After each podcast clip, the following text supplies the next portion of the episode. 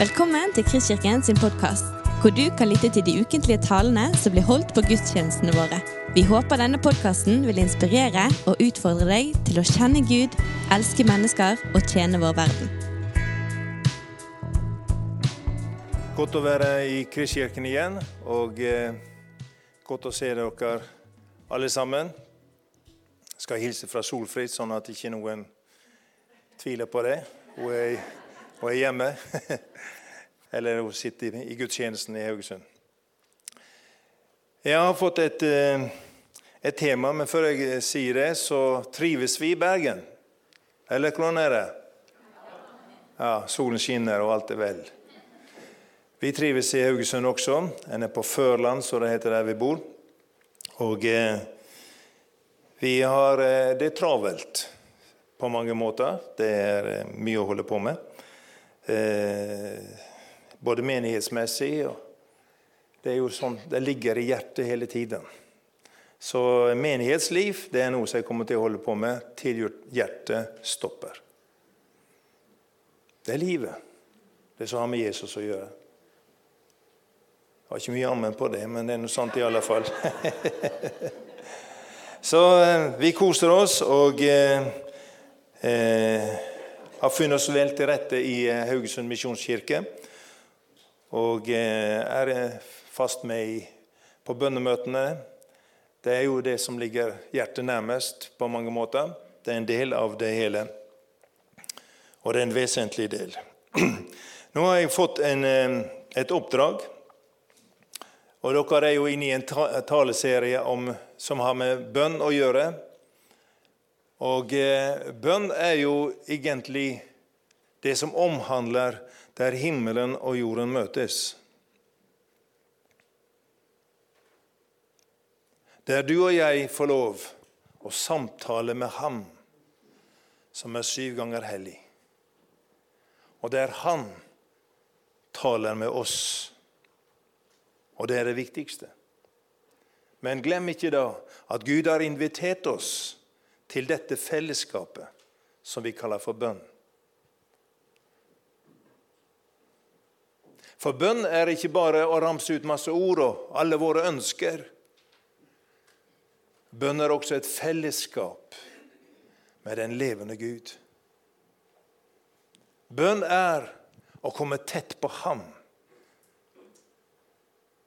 Og det viktigste er i bønnelivet å lytte inn hva Han har å si.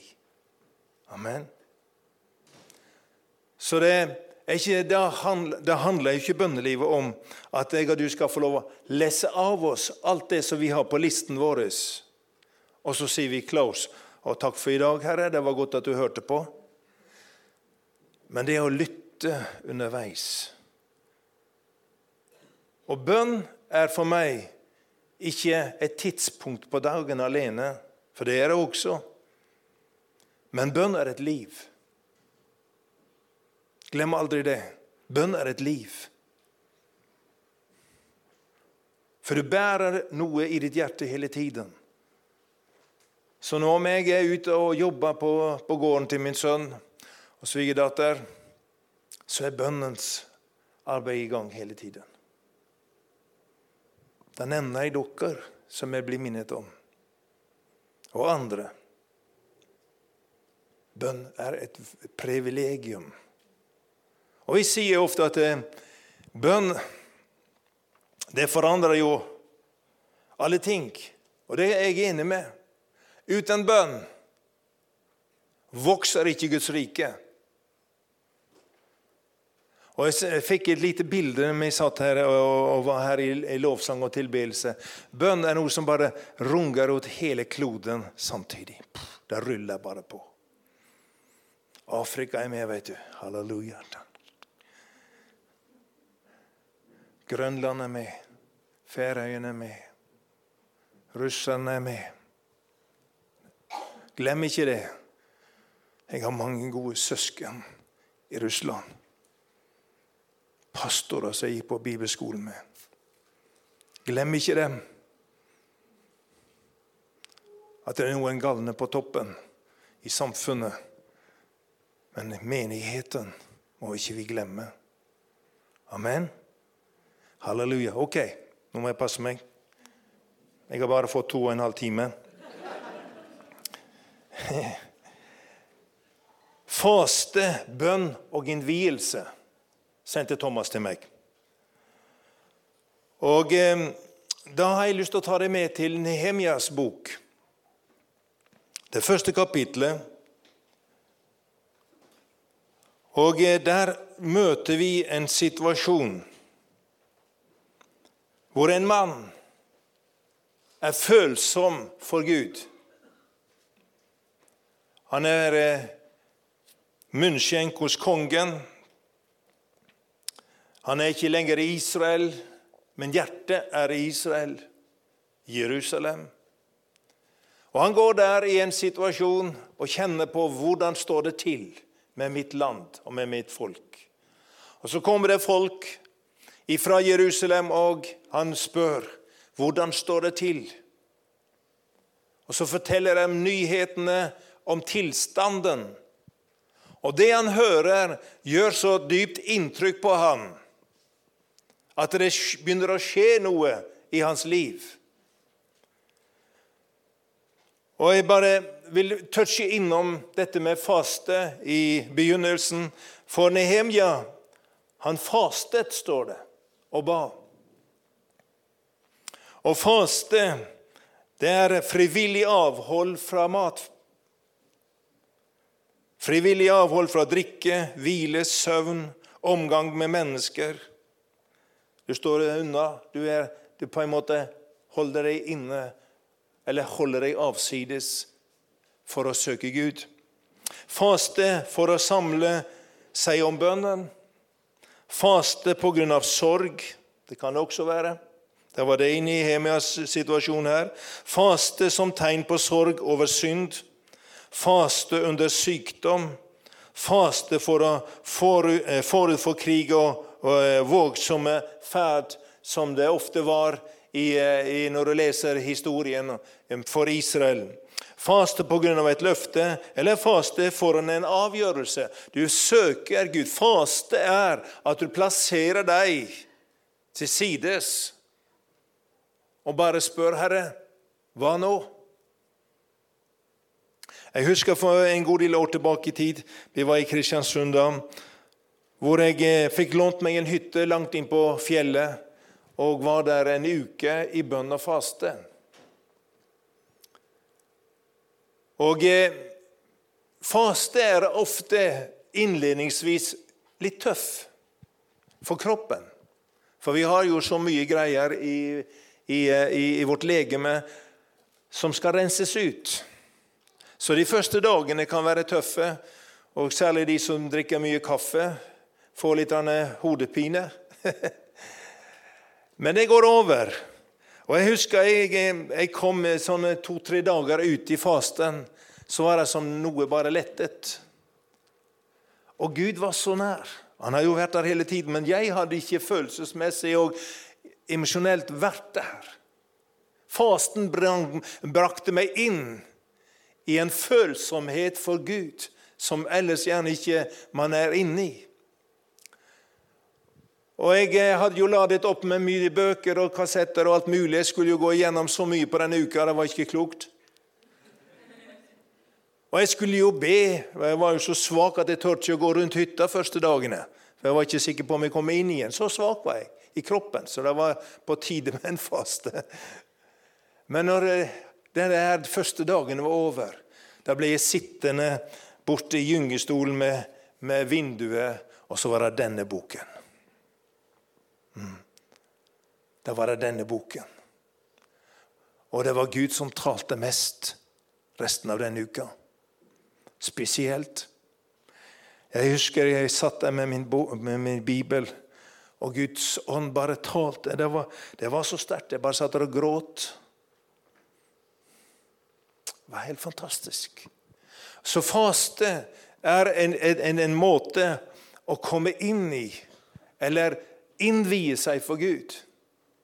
Avstå fra å være sammen med mennesker. Avstå fra denne duppeditten som vi går og springer med hele tiden. Det var jo salig å slå av denne greia der. Det var faktisk eh, jeg tror det var første mobilen jeg hadde den gangen. Men det var jo så fantastisk å slå det av og bare høre fuglekvitteren på morgenen. Istedenfor at en eller annen melding som kom. Har du vært borti det? Ja, ingen i Kristkirken som har mobiler, vet du. Ikke sitt der og lyv. Vi alle er så hekta mange ganger. Liten sånn, så kaller det på oppmerksomheten. Jeg tenker å faste ifra hele mobilen, mail og hele røklet. Og legge det til sides. Nå er det bare én kanal som er inne. Jeg vil høre ifra himmelen.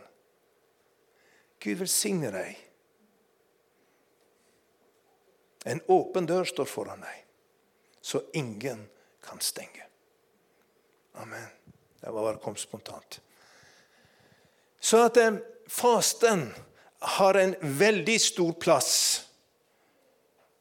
i det å ha med Gud å gjøre i bønn også. Men det står i Sakarias, det tolvte kapittel, vers 10. Men over Davids hus og over Jerusalems innbyggere vil jeg utgyte nåden og bønnens ånd. Nå vet jeg at eh, det å be er ganske krevende iblant, særlig hvis det er ting du står og, og, kjemper i i bønn. Husker Roald eh, Monsen og meg vi, når vi startet opp igjen med bønnemøtene i Kristkirken. Vi var bare to stykker som var på bønnemøte. Eh, da var det tider hvor jeg kjente at Hva skal vi gjøre? Jeg var fristet til å gi opp mange ganger. Men så var det noe på innsiden av meg, bønners ånd, som sier 'gi ikke opp'. Og det er noen som skal få den hilsen her i formiddag. Du kjenner at du er litt på bristepunktet i en sak. Men Gud sier til deg, 'Jeg gir deg mer av bønnen og nådens ånd', for de henger i hop. Amen. Bønn og nåde. Så at eh, gi ikke opp. Og eh, jeg vil si at eh, det å, å oppleve bønn er liksom, som jeg sa, ikke bare å ramse opp alle sakene. Bønn kan være også en eh, hva skal jeg si, der bønnens ånd kommer over en. Jeg husker en gang det var en sak jeg holdt på med å be om i Kristiansund. Det var noen som hadde store problemer. Og jeg ble på en måte inntatt av bønnens ånd på en måte som gjorde at jeg ble nidkjær. Har du vært borti det? Jeg ble nesten så at jeg ble vred i mitt indre over hva djevelen holdt på å stelle i stand.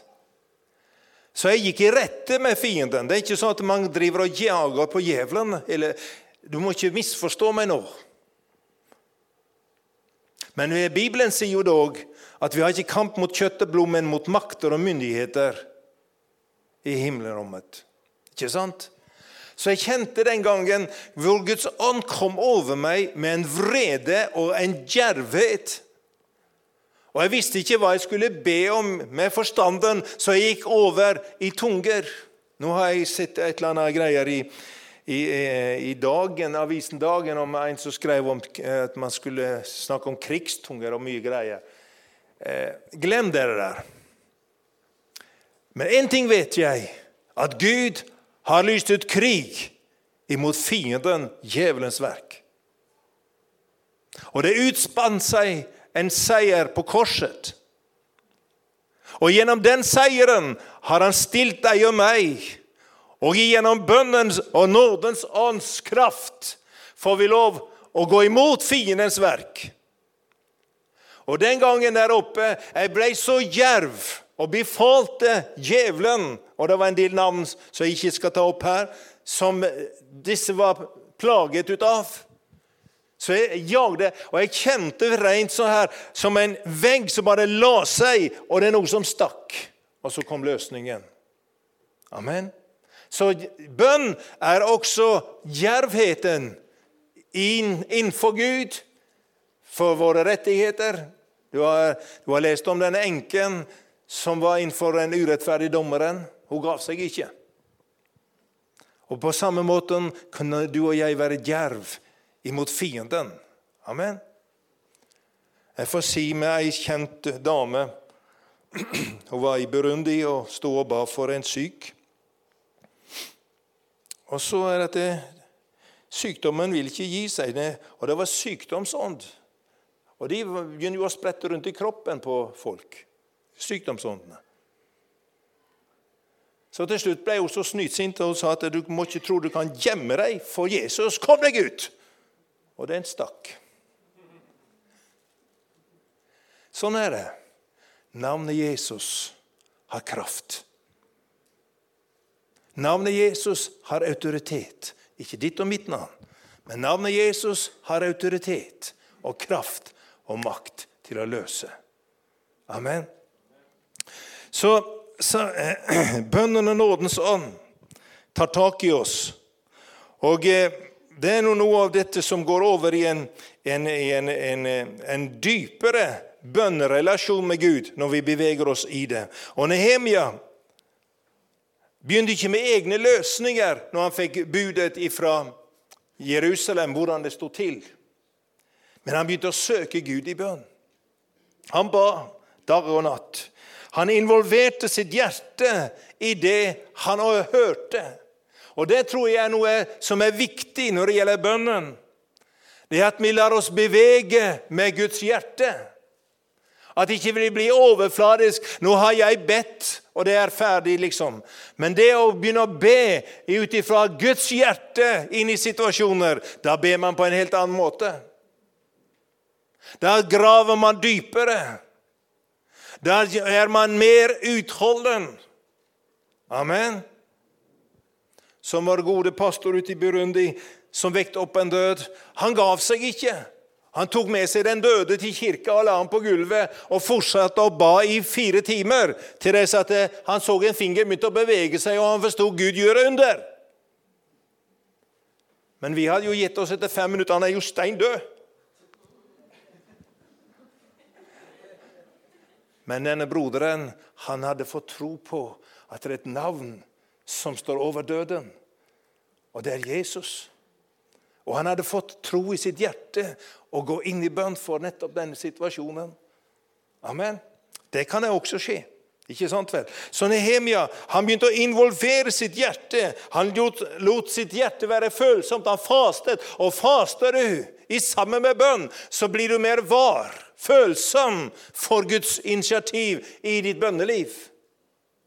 Og det trenger vi. Amen. La oss bevege med Gud. Når du leser om vekkelsestider Det var en som var, Jeg leste om eh, vekkelsen eh, pinsevekkelsen han brøt ut borte i USA. Og Det var en av disse bønnekjempene, og han, han falt på sine kne på vei til bønnemøtet og sa, 'Herre, gi meg kraft, så jeg klarer å gå inn i denne ilden.' For Guds nærvær var så intens at han trengte Guds nåde og kraft for å gå inn i nærheten der Guds herlighet var åpenbart. Og Guds bønn eller bønn innenfor Gud, har også å gjøre med å møte Guds hellighet. Det å møte Guds vesen. Da er ikke det rom for våre ryggsekker. De må ligge utenfor. Amen. Nå blir jeg ivrig her, men det går bra. Dere kjenner meg. Og er du ny her, så blir du vant med det. Amen. Så bønn er forankret i hvem Gud er og ikke i hva du og jeg er, eller hvilken tittel vi måtte ha. Har ingenting med det å gjøre. Bønn er å forankres i alltid hvem Gud er. Abraham, Isak og Jakobs Gud er mitt navn til evig tid, sier Gud. Glem aldri det. Og det er her du og jeg kan få hengi oss inn i dette aspekteret av Guds nærhet. Og vi tror på vekkelse, gjør ikke vi det? Jeg ber om vekkelse over Haugalandet. Jeg ber om vekkelse over naboene. Det første du gjør når du flytter, det er å prøve å finne navnet på naboene, og så begynner man. Da er man i gang igjen. De som jeg reiste fra, gråt når jeg reiste. Hvorfor? For man har gått der flere år, trofast og bedt. Ikke at jeg opphøyer meg sjøl, men det er noe med å være utholden og be. Og I de siste dagene så har jeg vært minnet om en nabo som jeg har bedt for i mange år, oppe på, i Kristiansund. Dit jeg tok, popper opp igjen. Så du blir liksom ikke ferdig, skjønner du. Man ber når man skal. Nehemia lot hjertet trykke seg inntil Guds i, i Guds hjerte i fast og bønn. Og det er Kanskje det er tid for å bryte gjennom visse saker. Da er det et redskap Gud har gitt oss faste og bønn og innvielse. Gud er jo der hele tiden, men han vil bevege deg og meg. Hallo? Må jeg på bønnemøte i Kristkirken hvis det er onsdag nå? Jeg husker ikke det igjen helt. Må jeg? Jeg har så mye annet. Hør her, vil du ha vekkelse, så må du glemme deg sjøl. Jeg var og hørte på en broder fra USA i går kveld i JF, Jesusfellesskapet, om den vekkelsen på universitetet som var for litt siden. Han var en av lederne der. Du måtte legge ned ditt eget. Hvor lett er det ikke at vårt kommer inn? Av sedvane, står det i gamle oversettelsen, gikk Jesus inn i tempelet. Av sedvane. Altså, Jesus hadde noe som lå i bunndraget hele tiden. De gikk og søkte opp Jesus, for de visste at han var et kjent sted, og ba hele tiden. Mm? Har du ditt lønnkammer? Har du en plass hvor du kan gå og søke Gud? For mange år siden bodde jeg på en hybel i Solheimsviken. Og husverten kom ut fra sletta i Nordhordland. Og Han fortalte om før vekkelsen brøt ut på sletta. Det var en stor vekkelse ute i Nordhordland for mange år tilbake. Da hadde han en plass ute i utmarken under en hammer der han lå med en stein og ba til Gud for bygda. Vil du bevege deg sånn at Gud kan få begynne å bevege seg?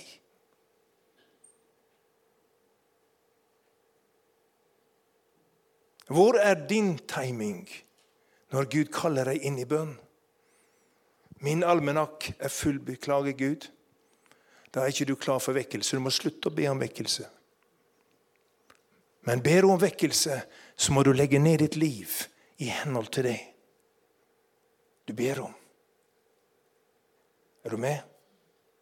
Og Jeg tror at Gud må, vil hjelpe oss å vekke menighetene. Vi trenger jo vekkelse i menigheten. På dette planet også. Så at vi blir villige å legge ned vårt liv ved korset. Vi synger i denne sangen 'Jeg vil gi deg alt'. Og jeg tenker ja, vil vi virkelig det? Hvor langt er jeg kommet, Atle? Atle, hvor langt er du kommet? Legger du ned alt? Tenk at du sier det innenfor Gud. Jeg vil legge ned alt. Men hør. Vi har en generasjon på vei opp som river himmelriket til seg med makt. Og Jeg sier til seniorene i menigheten der nede som vi er, nå må vi virkelig komme på banen og være mødre og fedre for kommende generasjon. Og ikke sitte og henge med hodet og spise kake og drikke kaffe, bare. Ja, men det er sant. Hvor bakpå vi, min generasjon, er blitt. Makelig anlagt. Dilter innom når det passer. Nå, nå tar jeg litt i. Jeg vet det. Men vi trenger å vekkes. Jeg kjenner nød i mitt hjerte.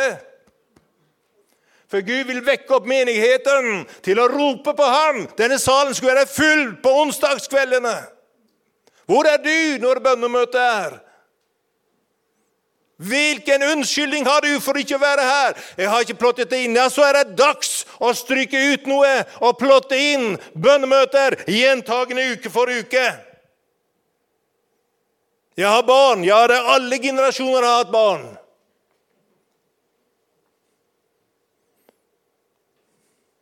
Jeg har kjøpt meg en aker 'Sorry, jeg kan ikke komme. Jeg må av.' Og se til den. 'Jeg har kjøpt meg en okse. Beklager, jeg må av og teste denne oksen.' Har du hørt unnskyldningene? Dette gjelder også bønn. Nå må jeg passe meg her. Nemia lot det som skjedde i Jerusalem, gå inn på seg. Han lot det berøre seg. Han lot nøden ta seg. Bønn ut ifra et overfladisk hjerte og ut fra plikt kan vitne om at du selv er i sentrum ofte. Og det er så lett for at vi kommer i sentrum. Å, Jesus, velsign den, og, velsign sånn. Og, og, så er vi i sentrum hele tiden. Men jeg syns det var så skjønt under lovsangen begynne å tilbe ham for hans storhet. Det har noe med vekkelsen å gjøre. Tilbe for hva han har gjort. Vet du, Golgata det var ingen flott pusset sal, skal jeg si deg. Det var ingen polerte benker som, kunne, som liksom Jesus skulle komme inn på der. Nei, han kom drassende blodig med et kors av tungt tre. Han lot seg spikre så blodet rant. Det var rene henrettelsesstedet, skal jeg fortelle deg. Men han ba en bønn. Far, tilgi dem, for de vet ikke hva de gjør. Han sa til en, 'Sannelig, dag skal du være med meg i paradis'. Det var en som ikke hadde hørt så mye om han tidligere. Men så ble han hengende ved siden av mannen ifra Nasaret. Og jeg ønsker å si til deg her i formiddag Bønn er å koble inn på det som skjedde på korset.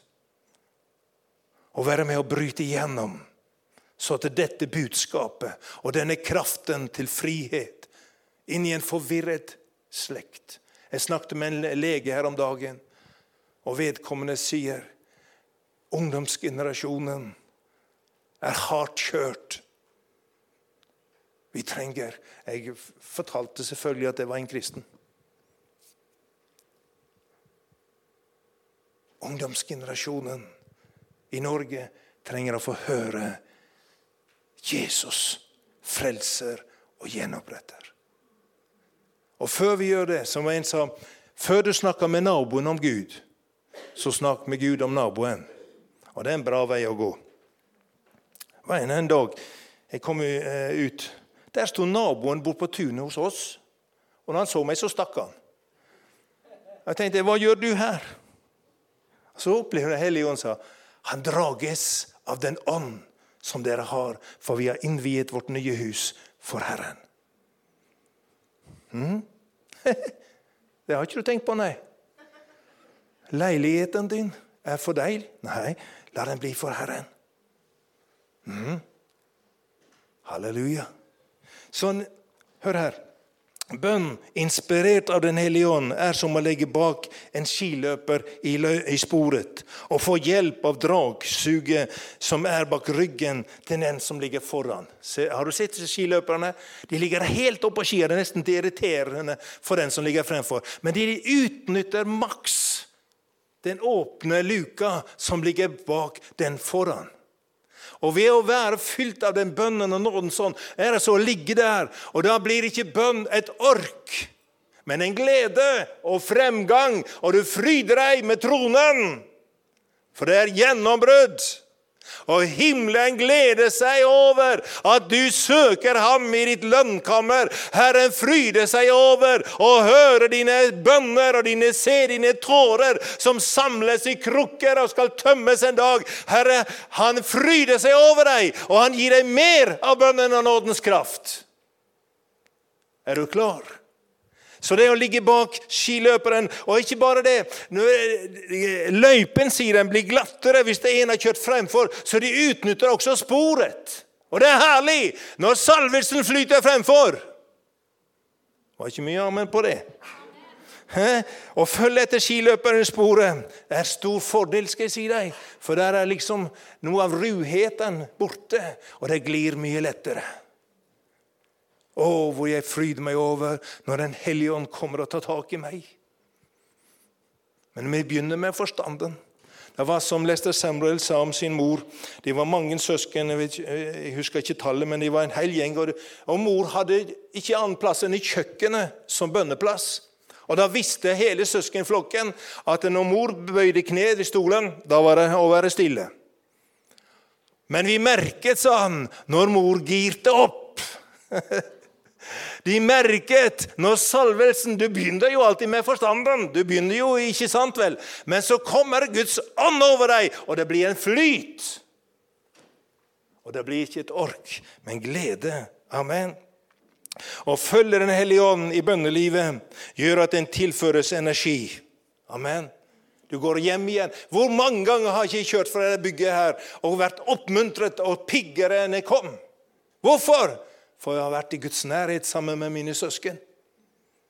Vært i Guds nærhet og fått vitamininnsprøytning. For det er ikke bare at du gir, men du får når du gir. Det er jo Bibels prinsipp, er ikke det så? Amen. Den som gir, han får. Gir du tid til Gud, så får du tid. Har du merket det? Søk først Guds rike og hans rettferdighet. Så skal du få alt det andre tilgitt. Vi har ikke tid til å søke Gud først. Vi vil ha Han etterpå. Men vi snur deg jo på hodet. Har du søkt Gud, skal du se hvor mye mer du får gjort den dagen. Det er underlig, det der.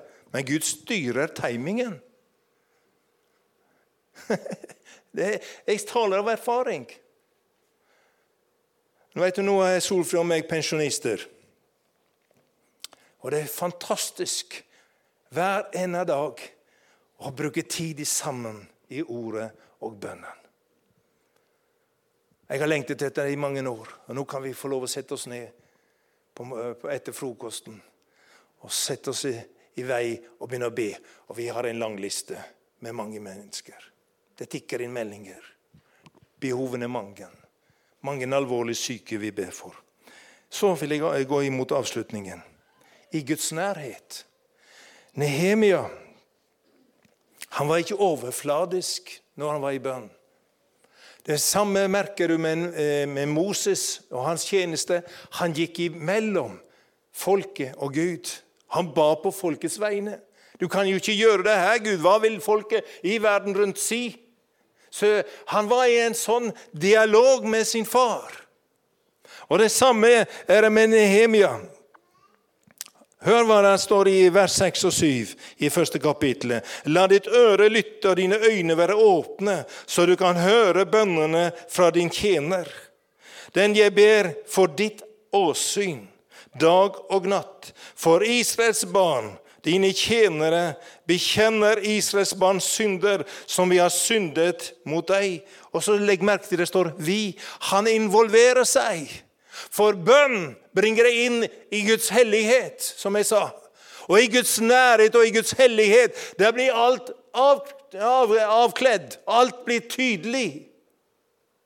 Så at eh, når vi ber om å komme inn i Guds nærhet gjennom bønn, så ber vi også om Gud. Din hellighet gjør at jeg begynner å se smuss som jeg må få unna.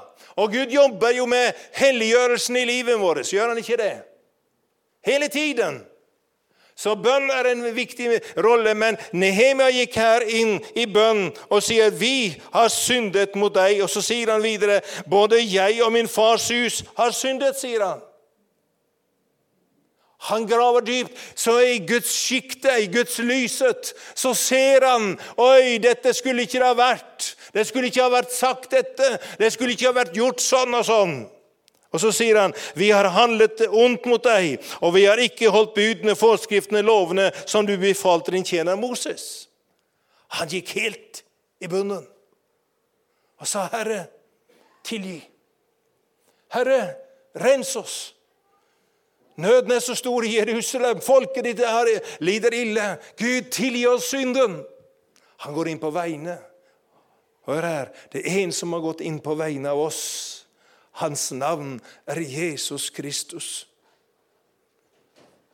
Han ropte 'Det er fullbrakt'. Og Det gjelder frelsen vår, men underveis så er det så lett for at det kommer støv på oss. Har du merka det? Vi lever jo i en verden full av synd. Mm? Og det er så lett for at ting kan smusse. Og da er det godt når vi kommer inn i Guds lys og sier, 'Herre, både jeg og min fars hus har syndet.' Vi har ikke opptrådt riktig, Gud. Tilgi oss. Og vet du hva han ber for? Jo, han ber for landet sitt, men han begynner å bekjenne sin synd. Han begynner å bekjenne det som ligger der, og kan være en hinder for at bønnesvaret kan bryte igjennom. Han ligger der og helliger seg i bønn og faste innenfor ham som kan snu situasjonen i Jerusalem. Så folket kan vende tilbake til sitt land og til sitt folk. Amen. Innvielse. Nehemia brettet ut sitt liv for Guds ansikt. Når tid brettet du ut ditt liv for Guds ansikt?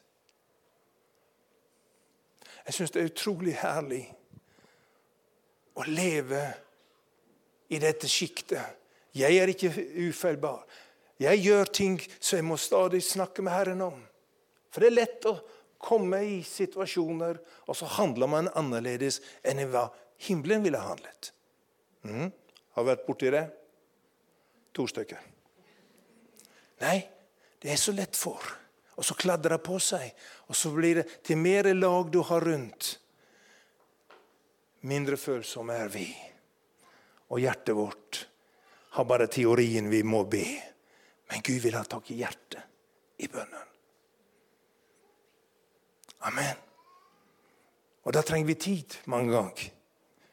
Og Gud brukte Nehemia her. Til og med kongen reagerte. Han så at det her er noe som ikke stemmer. Det er en annen atmosfære her. Hva er det, hva er det som står til? Hvordan er det med deg? Skulle ikke jeg være berørt når mitt folk lider? Fritt oversatt, da. Skulle ikke jeg kjenne på noe når folket mitt har det så vondt? Norge trenger sårt en vekkelse ifra himmelen. Min gode venn Arnfinn Clemensen i Stavanger skrev en bok for en god del år tilbake. 'Norge tilbake til Gud'. Et lite, tynt hefte. Jeg tror han delte det ut på Stortinget og overalt. Og Jeg har mange ganger tenkt hva, hva, hva var det som ikke slo igjennom den gangen? Jeg tror ikke folket, Guds folk grep det. Men tiden nå inne i et hellig alvor, når vi ser også uten å skremme noe som helst. Vi trenger ikke hausse opp noe. Men situasjonen er ikke så grei i Europa. Og da må vi fatte og begripe at det er tid for innvielse til Herren. Det er tid for bønn. Det er tid for å gi sitt hjerte og gi sitt liv innenfor Gud, sånn at Herren får lov å begynne å bruke oss enda sterkere. Amen. Er du med?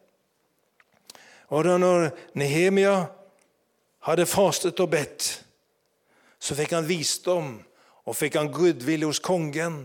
Han fikk brev med seg, og han reiste og kom til Jerusalem. Og Så kan du lese Nehemias-boken. En fantastisk bok i forhold til dette med menighet, f.eks. Det å ikke høre på disse løgn, Sanballat, Tobias og Gesem, disse gutta, vet du. Det er alltid motstand når Guds menighet vil reise seg. Mm.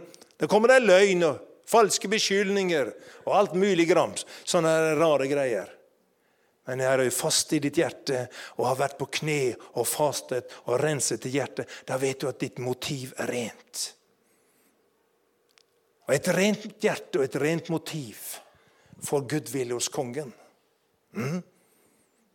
Det er forunderlig hvor det bryter igjennom. Og Så drar han tilbake, og så bygger de opp igjen. Det var forslag om et komitémøte også. Men han sa skulle jeg forlate dette store verket for å gå ned og forhandle med dere. Jeg har ikke tid. Jeg har noe for det. Jeg holder på å bygge Jerusalems mur opp igjen. Vit hvorfor du er her. Vit hvorfor du er her. Jeg avslutter med Peter som gikk høyt ut og bekjente om alle forlater deg, regn med meg, Jesus. Så gikk det ikke sånn. Og Så gikk han ut i en strafferunde. Og kanskje du er her i formiddag. Som er litt i en sånn strafferunde. På fisketur, får ingen fisk heller. Det er trasig hele greia. Og mange rundt deg lammes av det samme. For Peter var lederen. Når lederen lå nede, da gikk hele gjengen på fisketur. Mm, har du lagt merke til det? Det var ingen av de andre som sa nei, vi skal stå på. Nei, vi gikk og fiska hele gjengen. Men i dag så møtte denne mannen han som hadde hengt på korset. Så sier han, 'Jesus, du vet jeg hadde deg kjær.' Ja, jeg vet det. Så spør han tre ganger, og tre ganger så sier Peter, 'Du vet alt'. Da tror jeg Peter hører hans galer. Og det er alle de gangene han hadde fornektet. Du, det kan hende at vi har sviktet. Det kan hende at det har gått i stykker for oss. Men jeg er her, og når jeg satt og forberedte denne talen, så kom det til meg og skulle si Kallet er ikke tatt bort. Det lever. Peter ble ikke bortvist og erstattet. Peter han var fortsatt klippen som jeg vil bygge min menighet på. Nå skal jeg slutte av. Du har lyttet til en podkast fra Kristkirken i Bergen. Vi håper du har blitt inspirert og utfordret i din vandring med Gud. Vil du vite mer om oss, så klikk deg inn på kristkirken.no.